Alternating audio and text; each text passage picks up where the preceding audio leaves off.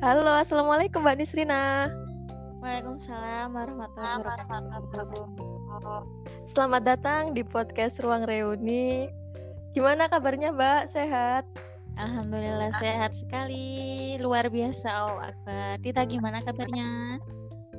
Alhamdulillah super sehat banget. Alhamdulillah, masya Allah. Semoga nggak gaduh ya nanti podcastnya, soalnya pada ceriwis sih. Ya Allah, ya. menyaut menyaut menyaut ngono. Iya ya, kita sama-sama hobi ngomong soalnya. Wah, senang banget rasanya bisa mengundang sosok muslimah inspiratif dan super hits di UKMKI UNER. Wah. Tapi berhubung pendengar podcastku ini ya, jadi mungkin ada yang belum kenal sosok Mbak Nisrina ini. Oke, kalau gitu tak kenal maka ta'aruf, monggo kenalan dulu Mbak. Apa aja yang perlu dikenalin? Bebas banget. Bebas. Ini. Em, perkenalkan para pendengar setiap podcastnya Tita yang mulai dari Indonesia, luar negeri, luar bumi, luar angkasa. Wow, saya, luar saya ini Serina Arafatus Soleha, biasa dipanggil Mbak Nis, Mbak Nies, Teh Nies, Rina, eh, dan lain sebagainya. Terserah, pokoknya panggilan yang baik, it's okay. Em, lahir di Mojokerto 27 April 1996 Em, apalagi dulunya kuliah di UNER jurusan ekonomi Islam angkatan 2014 Alhamdulillah sekarang sudah berkeluarga dan punya satu orang putra. Masya Allah, mantep betul, mantul. apalagi nih yang perlu diomongin? Maksudnya dikenalin cukup? Hmm, riwayat organisasi Mbak, kita kan dulu kenal pertama di Mosaik ya. Apa juga ikut organisasi lain? Dari maba itu? Di flashback dulu ya. Jadi aku awal masuk kuliah itu emang fokus masuk ke terjun ke SKI gitu. Tapi juga sempat ikut ke eh, ada namanya di FEB UNER itu akses itu kayak organisasi LKTI yang khusus mengkaji tentang ekonomi Islam. Tapi nggak terlalu aktif di sana. Jadi aktifnya memang di SKI-nya. Jadi tahun pertama amanahnya ada di Mosaik, di staf kemuslimahan. Terus tahun kedua jadi kadep kemuslimahan di Mosaik. Tahun ketiga jadi sekdep kemuslimahannya UKMKI tingkat universitas. Terus tahun keempat jadi bendara bendahara umum di UKMKI UNER. Sama ini sama kayak Tita. Jadi dari mosaik nyemplung ke UKMKI. Jejaknya hampir mirip lah kita. Terus Iya, Mm-mm. Te- hampir sama ya. Heeh, heeh, hampir sama. Beda di apa, Dek? Kamu dulu di apa, Dek? Kalau Aku di kepira- Kalau UKMKI aku kewirausahaan kan awalnya yang PPH pertama itu Hmm. 34 terus 35-nya baru sama bendara umum. ya, Kalau Mbak mosaiknya- Nisrina dulu kan kemusliman. Mosaik. Kemusliman kan. Mm, mm, mm. Kalau mosaik kamu dulu di Ya, mana, wak- Dek? Bendara umum, bendara umum juga. Terus staffnya waktu di tahun pertama itu? Syiar, Oh, syiar. di Syiar. Aku anak kemus dari maba. Iya. Kalau aku kan pindah-pindah ya. Iyo. Berarti multi talent itu.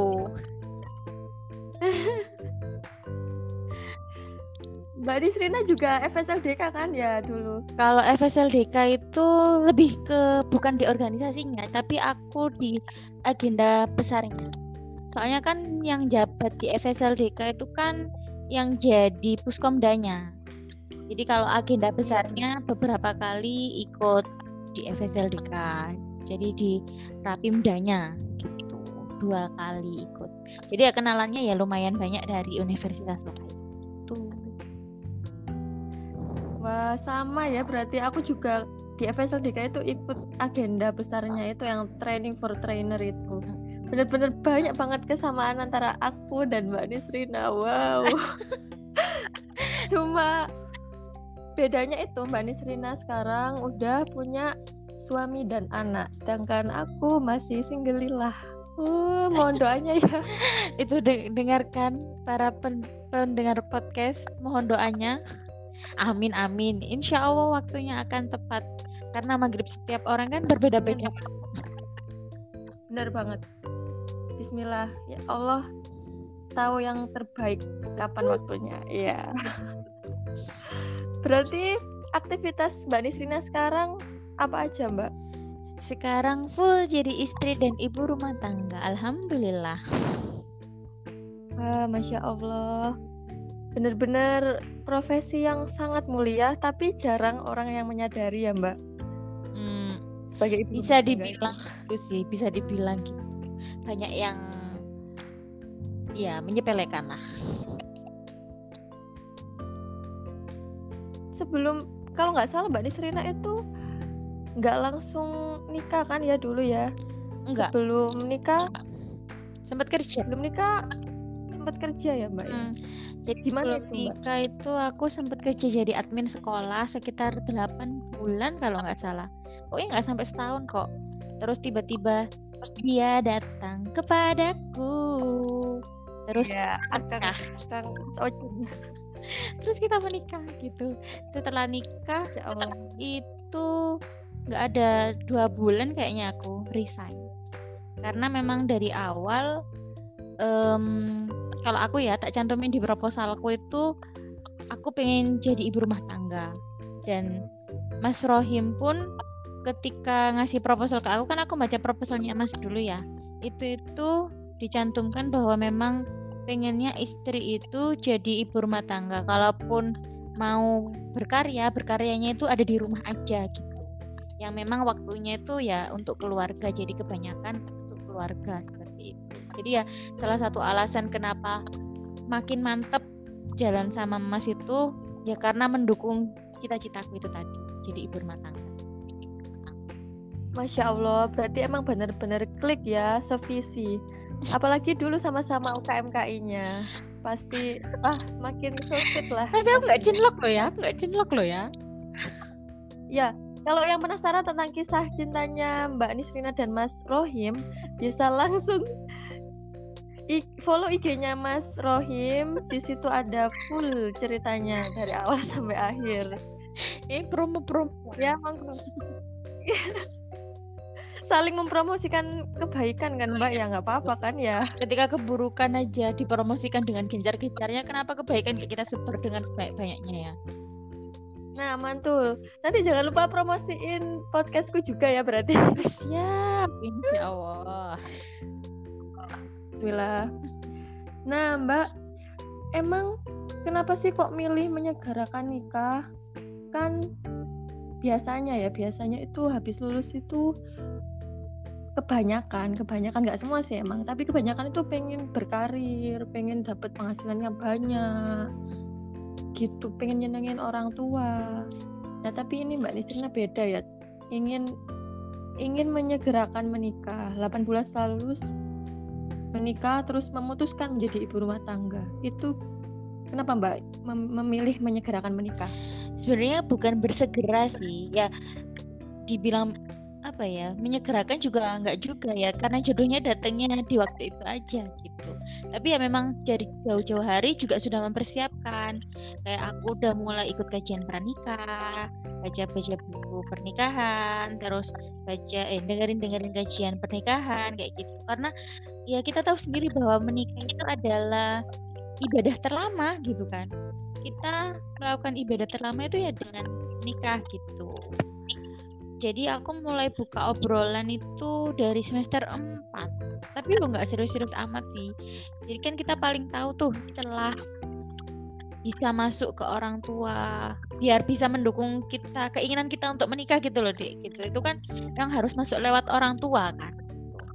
Jadi kita bisa tahu gitu celah bisa ngajak obrol siapa dulu. Kalau aku di keluargaku yang enak diajak diskusi itu memang bapak jadi memang ngobrol sama bapak dari semester 4 itu kak gimana kalau aku seumpama ada yang minta? Atau gini-gini. Terus aku menjelaskan insightku tentang pernikahan pernikahan yang seperti apa yang tak ingin terus um, kriteriaku seperti apa terus kemungkinan-kemungkinan nanti setelah pernikahan terus cita-citaku kalau buat jadi ibu rumah tangga setelah menikah gitu. Dan alhamdulillahnya bapakku itu sangat-sangat mendukung cita-citaku. Bahkan orang yang paling mendukung cita-citaku untuk jadi ibu rumah tangga itu siapa? Bapak. Bapak itu yang bilang e, ya enggak apa-apa mbak sarjana jadi ibu rumah tangga itu enggak apa-apa gitu. Jadi bapak itu salah satu orang yang sangat mendukung. Jadi memang ya karena tadi cita-citaku dari awal itu pengen jadi ibu rumah tangga. Gitu. Masya Allah, luar biasa. Tapi ya mempersiapkan. Dan kodarullah datangnya jodohnya itu lumayan cepat bisa dibilang gitu. Ya berarti emang Mbak Nisrina dari awal emang menyadari bahwa emang menikah itu ibadah. Nah namanya ibadah kan ya harusnya kita berlomba-lomba gitu kan Mbak ya menyegerakan untuk beribadah tapi juga dengan persiapan yang matang Mbak Nisrina ini sudah siap-siap sejak awal semester kan ya makanya setelah nikah eh setelah wisuda alhamdulillah ternyata Allah menyegerakan. Karena emang mungkin persiapannya lebih mateng gitu kan Mbak ya? gitu ya. Allah. Nah tadi kan Mbak Nisrina bilang ya kalau profesi sebagai ibu rumah tangga itu jadi cita-citanya Mbak Nisrina. Bahkan sudah ditulis di proposal per, proposal ta'arufnya Mbak Nisrina berarti emang benar-benar pilihan sendiri nggak ada tuntutan dari siapa pun dan orang tua pun juga mendukung. Tapi kenapa sih kira-kira alasan yang mendasari Mbak Nisrina itu pengen jadi ibu rumah tangga itu apa? Sedangkan di luar sana kan banyak pilihan-pilihan yang lebih gimana ya mungkin reputasinya lebih wow di mata masyarakat. Misalkan menjadi PNS atau ya menjadi apa pun itu yang lebih wow gitu loh. Kenapa memilih menjadi ibu rumah tangga? Kalau menurut Tita ya? Eh bukan menurut Tita.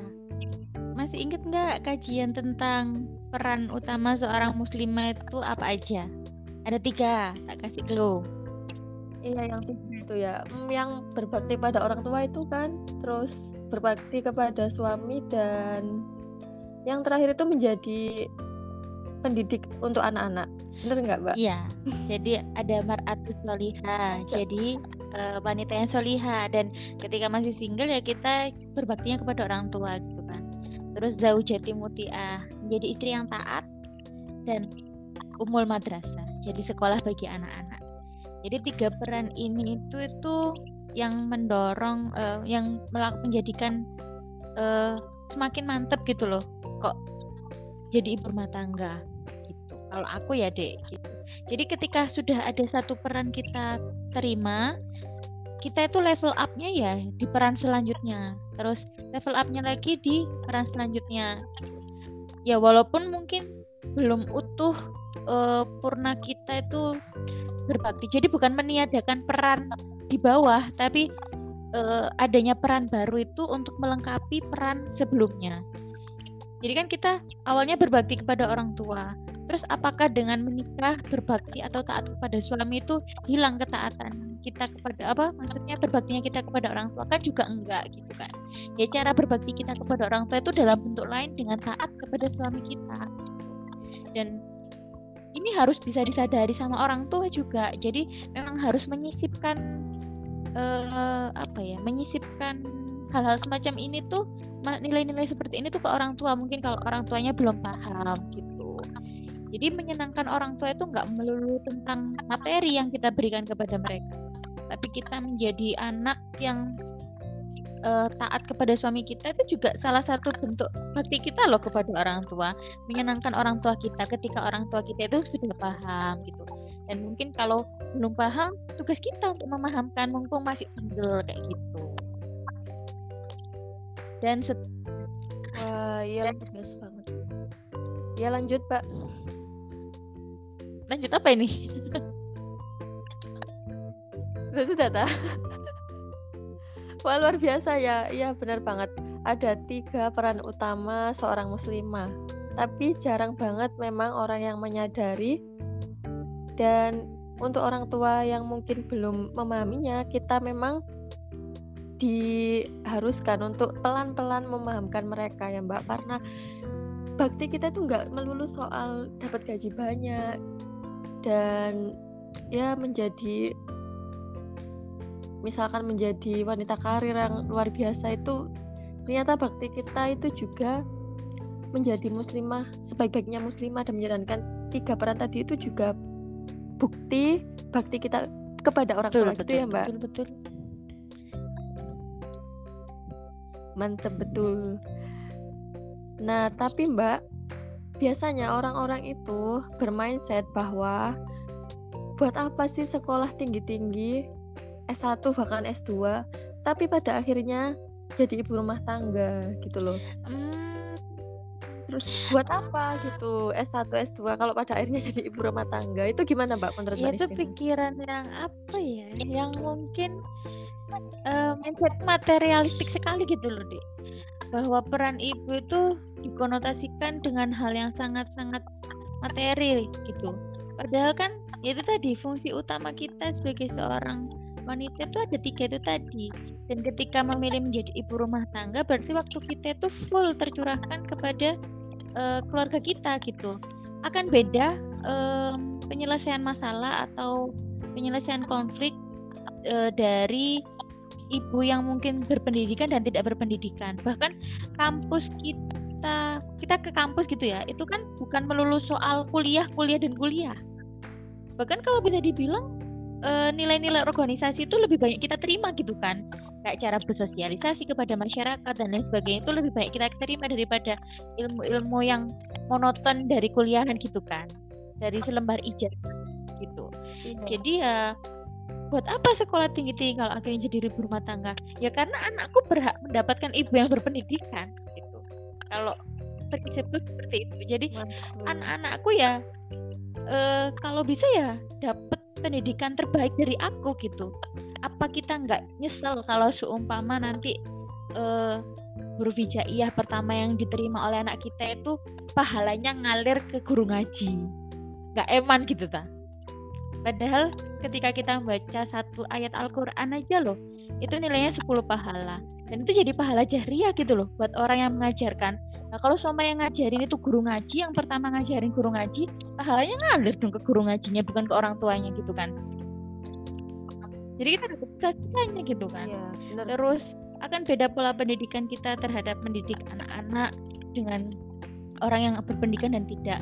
Masa kita gopoh nyari uang tapi membiarkan anak-anak kita itu mohon maaf ya diasuh oleh ART yang mungkin tingkat pendidikannya ada di bawah kita gitu. Bukan bukan menyepelekan ART-nya enggak gitu.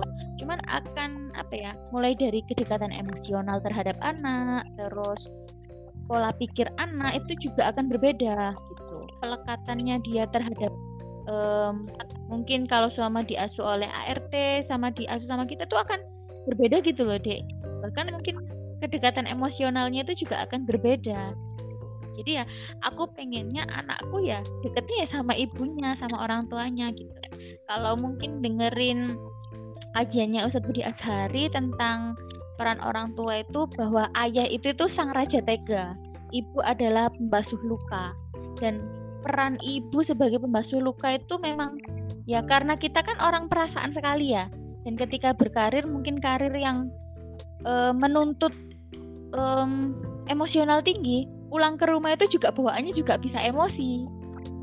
Dan itu berpengaruh ya, loh, berpengaruh banget, sekali terhadap pendidikan kita terhadap anak, terhadap pelayanan kita terhadap suami dan lain sebagainya itu sangat berpengaruh.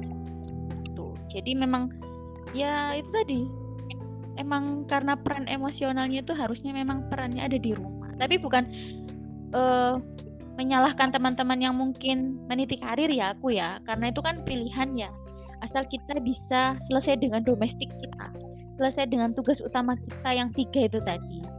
It's okay gitu ketika kita juga berkarir di luar tapi kita yang utama harus menyelesaikan peran di dalam itu tadi. Jangan sampai anak terbengkalai pendidikannya jangan sampai uh, melayani suami dengan setengah-setengah terus um, pokoknya jadi emosi akhirnya banyak gesekan-gesekan uh, yang seharusnya nggak nggak terjadi gitu tapi ya kalau memang pilihannya memang untuk berkarir ya ya monggo gitu. Karena itu pilihan setiap orang kan memang beda-beda gitu kan. Tapi prinsip itu tadi aku pengen mendapat pahala yang banyak dari pendidikanku terhadap anak-anakku dari pelayananku kepada suamiku yang secara optimal. Masya Allah luar biasa. Jadi emang sekolah tinggi itu ya nggak sia-sia ya walaupun pada akhirnya jadi ibu, ibu rumah tangga karena emang ya anak-anak kita itu butuh ibu-ibu yang berpendidikan biar kita itu semakin profesional Betul. dalam mendidik anak. Apalagi ya apalagi mindset mindset para muslimah yang sudah berpendidikan itu pastinya berbeda kan? Karena tadi pengalaman pendidikan yang kita terima itu juga nggak melulu soal materi tadi kan dek? Kan ada pengalaman ada cara sosialisasi dan sebagainya. Cara ngomong kita itu bahkan akan berbeda ngerasain nggak sih? Kita di semester 1 terus jadi semester 2 semester 3 dan lain sebagainya itu akan semakin meningkat semakin meningkat gitu loh. Pola pikirnya pola bicaranya gitu ya. Iya benar banget masya Allah. Nah menjadi ibu rumah tangga itu emang benar-benar sangat luar biasa ya sebenarnya aktivitas-aktivitas di dalamnya itu. Tapi kayak sering kali orang tuh nganggap ibu rumah tangga itu pengangguran gitu loh dan sering nganggap itu remeh gitu. Padahal banyak banget kan ya mbak ya yang dikerjain. Soalnya aku juga lihat mamaku sendiri tuh beliau juga banyak banget yang dikerjain gitu. Tapi ya gitu dianggap pengangguran dan dianggap remeh. Gitu gimana mbak pendapat mbak Nisrina tentang hal itu? Dan pentingnya peran istri dan ibu itu seperti apa menurut mbak Nisrina? Ya peran ibu dan istri tadi kan udah tak singgung sedikit ya.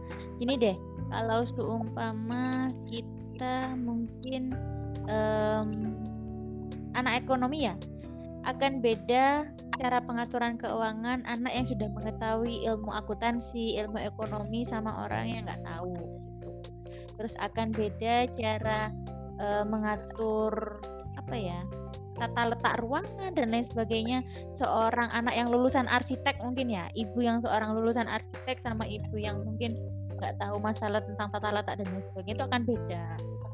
Terus akan beda seorang e, cara pendidikan seorang ibu kepada anak yang sudah belajar parenting ibu yang sudah belajar parenting sama yang belum belajar kayak gitu. Itu jadi hmm, peran-peran kecil mungkin yang nggak kelihatan itu ya kayak um, baju, nyetrika dan lain sebagainya. Rutinitas yang memang katanya tuh uh, harusnya itu tugasnya seorang perempuan. Padahal sebelumnya kan sebetulnya kalau dalam Islam itu, itu kan tugas itu kalau tahu ya dek ya tugas utama laki-laki itu apa? Menafkahi kan ya? Lahir batin lahir dan batin. Yeah. dan lahir itu tuh bukan soal materi gini. Bahkan kalau dalam hadis itu lahir itu maksudnya menafkahi itu artinya bukan hanya dalam bentuk uang. Jadi menafkah itu sampai makanan itu sudah siap dimakan oleh seorang istri itu adalah tugas seorang suami. Tapi kita melakukan setiap pekerjaan yang kita lakukan itu tuh nilainya sedekah. Gitu. Apa kita nggak mau gitu meraih pahala sedekah terhadap suami itu tadi? Jadi sebenarnya peran suami, eh, uh, tugas seorang suami itu sampai makanan itu sudah siap dihidangkan ke istri. Jadi memasak, mencuci, mengepel, uh, menyapu dan lain sebagainya itu sebenarnya tugas suami loh. Kalau seumpama seorang suami itu paham gitu. Tapi kita sebagai seorang istri mengambil tugas itu sebagai ladang sedekah kita terhadap keluarga kita. Gitu. Jadi kalau dibilang perannya remeh-temeh ya monggo lah sekali-sekali gitu yang ngomong remeh itu mengerjakan itu sehari aja gitu. Gimana capeknya gitu. jadi um, kita nggak akan pernah tahu beratnya menjadi seorang sebuah profesi sebelum kita itu merasakan itu. Gitu. dulu mungkin kita ngeliat itu remeh temeh banget gitu ya. Tapi ternyata capek banget deh. Maksudnya ngeluh ya um, capek yang menyenangkan. Kalau kita lihat ibu kita itu kayak 24 jam itu pekerjaan yang nggak bisa berhenti. Kalau seumpama jadi sekretaris atau jadi akuntan atau jadi apa gitu, jadi guru itu kan ada berhentinya. Tapi kalau jadi seorang ibu itu kita pekerjaan yang 24 jam dalam seminggu dalam setahun itu kita nggak bisa berhenti. Itu adalah profesi seumur hidup yang kita nggak bisa resign dari sana. Kalau sama kita jadi karyawan ya kita bisa resign gitu dari satu perusahaan ke perusahaan lain. Tapi kalau jadi ibu kita uh, memainkan peran itu gitu 24 jam dalam seminggu gitu dalam setahun dan seterusnya gitu. Ya kita bilang dari jangan sampai berdoa untuk resign dari pekerjaan itu gitu kan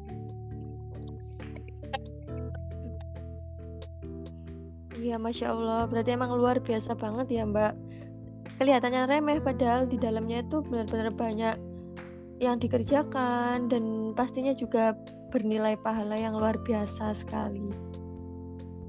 Insya Allah. Nah, tapi, tapi Mbak, kadang itu orang juga berpikiran bahwa ibu rumah tangga itu kayak bergantung gitu loh ke suami masalah finansial dan kita itu kayak nggak bisa mandiri gitu hanya menggantungkan diri dari penghasilan suami aja. Itu gimana mbak menurut itu juga anggapan yang tepat sih. Jadi kalau emang dipikir ibu rumah tangga itu nggak bisa um, bukan mandiri sih aku lebih tepatnya membantu suami dalam hal finansial. Karena ya apa apa kita memang nggak nggak nggak perlu untuk mandiri gitu.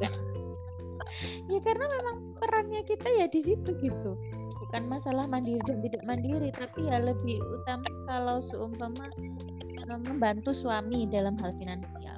Ya kurang tepat juga karena e, kalau seumpama di era sekarang apalagi ya kemudahan akses teknologi dan lain sebagainya itu nggak menjadikan kita itu jadi bertumpu itu ada banyak keran untuk membuka ladang um, finansial atau pak ladang sedekah yang lain gitu. Bukan hanya melulu tapi tetap yang jadi tugas utama ya peran kita sebagai ibu itu tadi.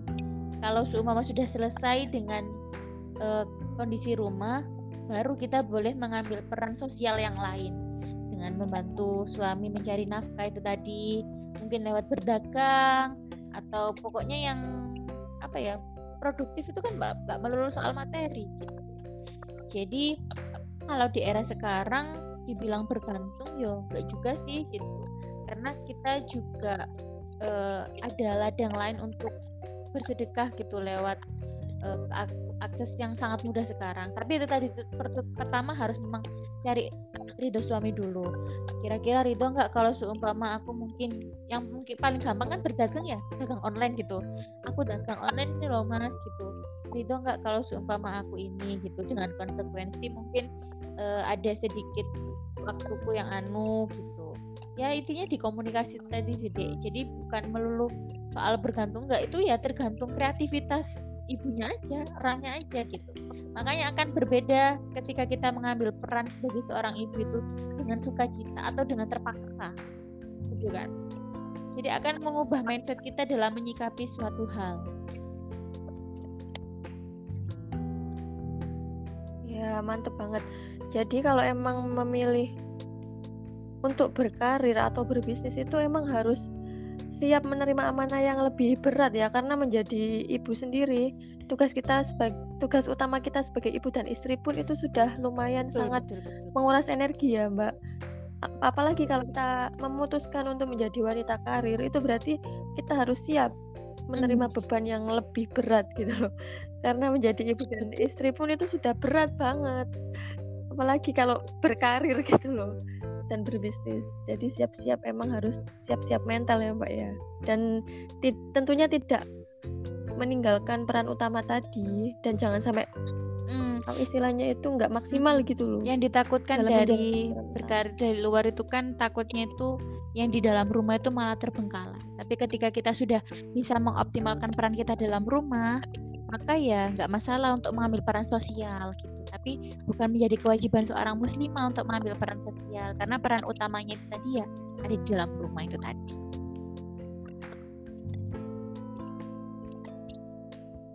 Nah, aku jadi menggaris bawahi kata-katanya Mbak Nisrina yang tadi ya, yang kita nggak perlu mandiri karena peran kita itu emang ya ini dan suami kita itulah yang berperan untuk dalam hal finansial gitu.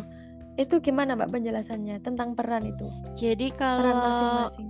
itu tadi dek ketika suami istri sudah paham bahwa definisi nafkah itu tadi itu apa yang sampai ke mulut istri apa yang sudah siap untuk dimakan untuk istri maka dia akan berusaha sebaik mungkin gitu untuk memberikan yang terbaik bagi keluarganya dengan cara yang halal dan uh, toyib gitu. Nah, ya kita sebagai istri juga harus bisa bijak mengelola keuangan suami itu tadi gitu. Harus yang paling utama bagi seorang istri sih menurutku ya, yang paling utama bagi seorang istri itu sifat konaahnya. Nerima setiap pemberian suami. Jangan menuntut yang um, apa ya? Jangan menuntut gitu loh. Intinya kita itu menerima konitat itu tadi taat gitu, konaah terhadap pemberian suami. Karena ya surga neraka kita itu ya suami kita. Dan yang paling kenapa kok penghuni neraka paling banyak itu istri apa kok istri? Perempuan. Karena dan disebutkan bahwasanya karena mereka itu gampang sekali lupa terhadap kebaikan suaminya. Karena kalau suami kita seumpama selangkah keluar rumah gitu ya nggak nggak nutup aurat yang ditanyain bertanggung jawabannya siapa? Suami kita gitu loh. Jadi kan eman banget ketika kita itu nggak menjaga amanah dari Allah karena ya itu tadi loh dek. Kan pembagian peran itu tadi harus memahami keduanya harus saling memahami bukan menjadikan beban.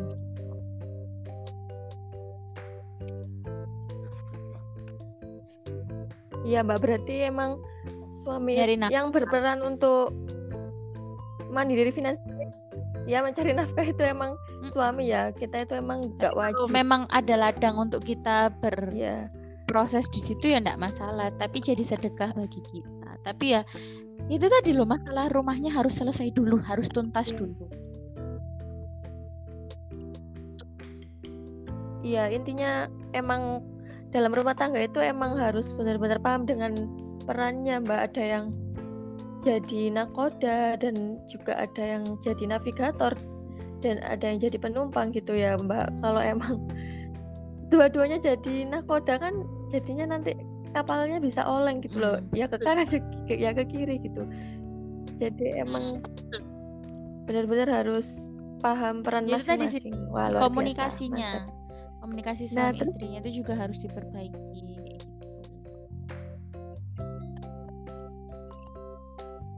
mantap mantap.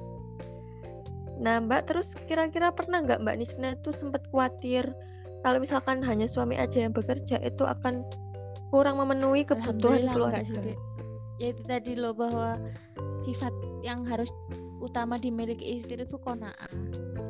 Dan semakin bertambahnya amanah itu itu rezeki itu sudah Allah yang ngatur gitu loh um, kalau pernah dengerin kajiannya Ustadz Bri Asari lagi sih ini aku.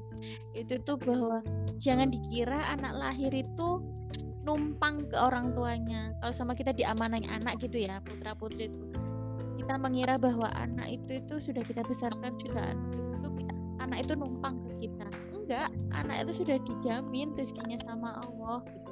Jadi anggapan kalau sama um, seorang anak itu itu numpang hidup ke orang tua itu sangat salah karena ketika kita um, diberi amanah seorang anak Allah itu sudah menjamin rezekinya anak itu sendiri. Ya alhamdulillah sampai sekarang dan semoga ke depan jangan sampai jadi an, uh, jadi istri yang merasa kurang dengan pemberian dari suami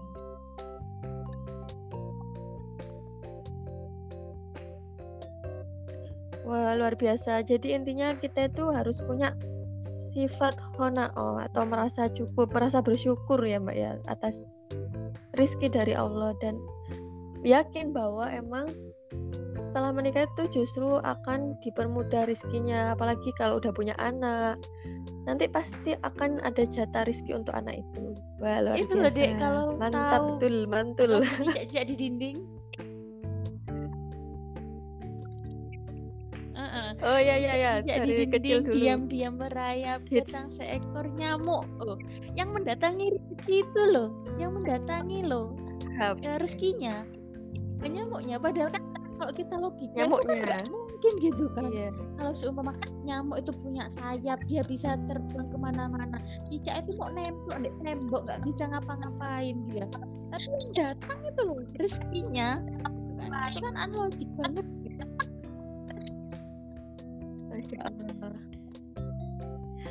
Yang nyiptain lagu itu berarti kayaknya udah paham itu jadi tentang itu jadi konsep Rizky ya kayaknya. Luar biasa, mantul. Masya Allah. Wah, udah nggak kerasa ya kita udah setengah jam lebih loh Mbak ngobrol iya dari tadi. ngomong Kayak satu menit loro. ya.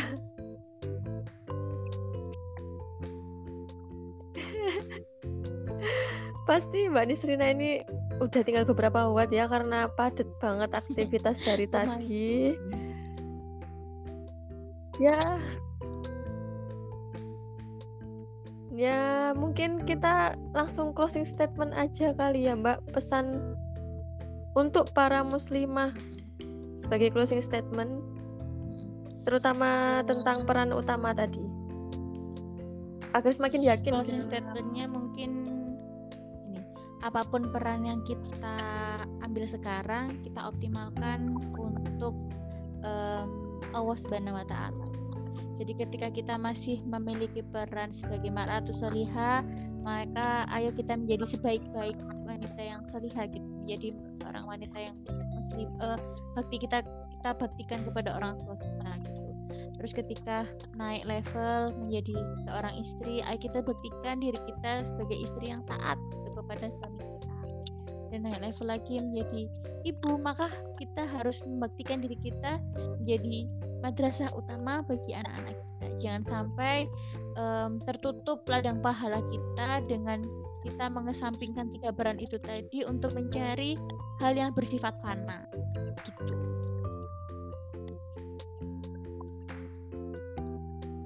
Masya Allah, jelek banget, Masya Allah.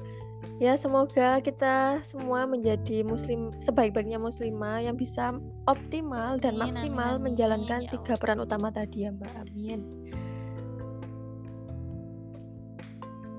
Wah terima kasih banyak Mbak atas semua insight positifnya. Juga makasih banget diundang ke podcast ruang reuni yang hits badai mengalahkan mana-mana. Amin, amin ya rabbal alamin. BTW makasih banget loh Mbak. Di tengah lelahnya Mbak Nisrina sempet meluangkan waktu untuk sharing di ruang reuni. Semoga semua yang di-sharingkan tadi itu bisa Amin, apalagi buat yang punya buat podcast. Ke depannya. Amin. Amin ya Allah. Tapi nanti jangan kapok ya Mbak kalau tak Hmm. undang lagi. Mungkin nanti tentang tips-tips tips-tips jadi ibu yang profesional mungkin atau apa gitu. Amin, Pasti banyak lah obrolan. Aku juga masih belajar sih lain ini, ya. gitu. Insya Allah. Iya. Baru satu tahun, eh hampir Belum ada, belum satu Dek. tahun Baru ya. tiga bulan hampir aku. mau satu tahun jadi ibu. Oh iya.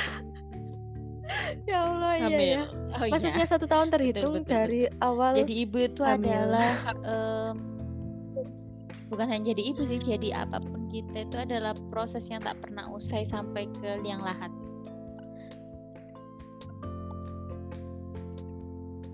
Masya Allah. Ya, semoga semakin lebih baik lagi dalam menjalankan perannya dan semoga sehat selalu untuk Dek Ahso, Mbak juga. Mas Noim dan sekeluarga besarnya. Amin.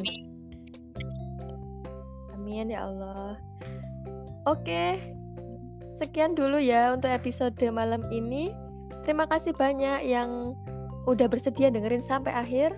Semoga bermanfaat dan jangan lupa tetap setia dengerin podcast Ruang Reuni. Sampai jumpa di next episode. Wassalamualaikum warahmatullahi wabarakatuh.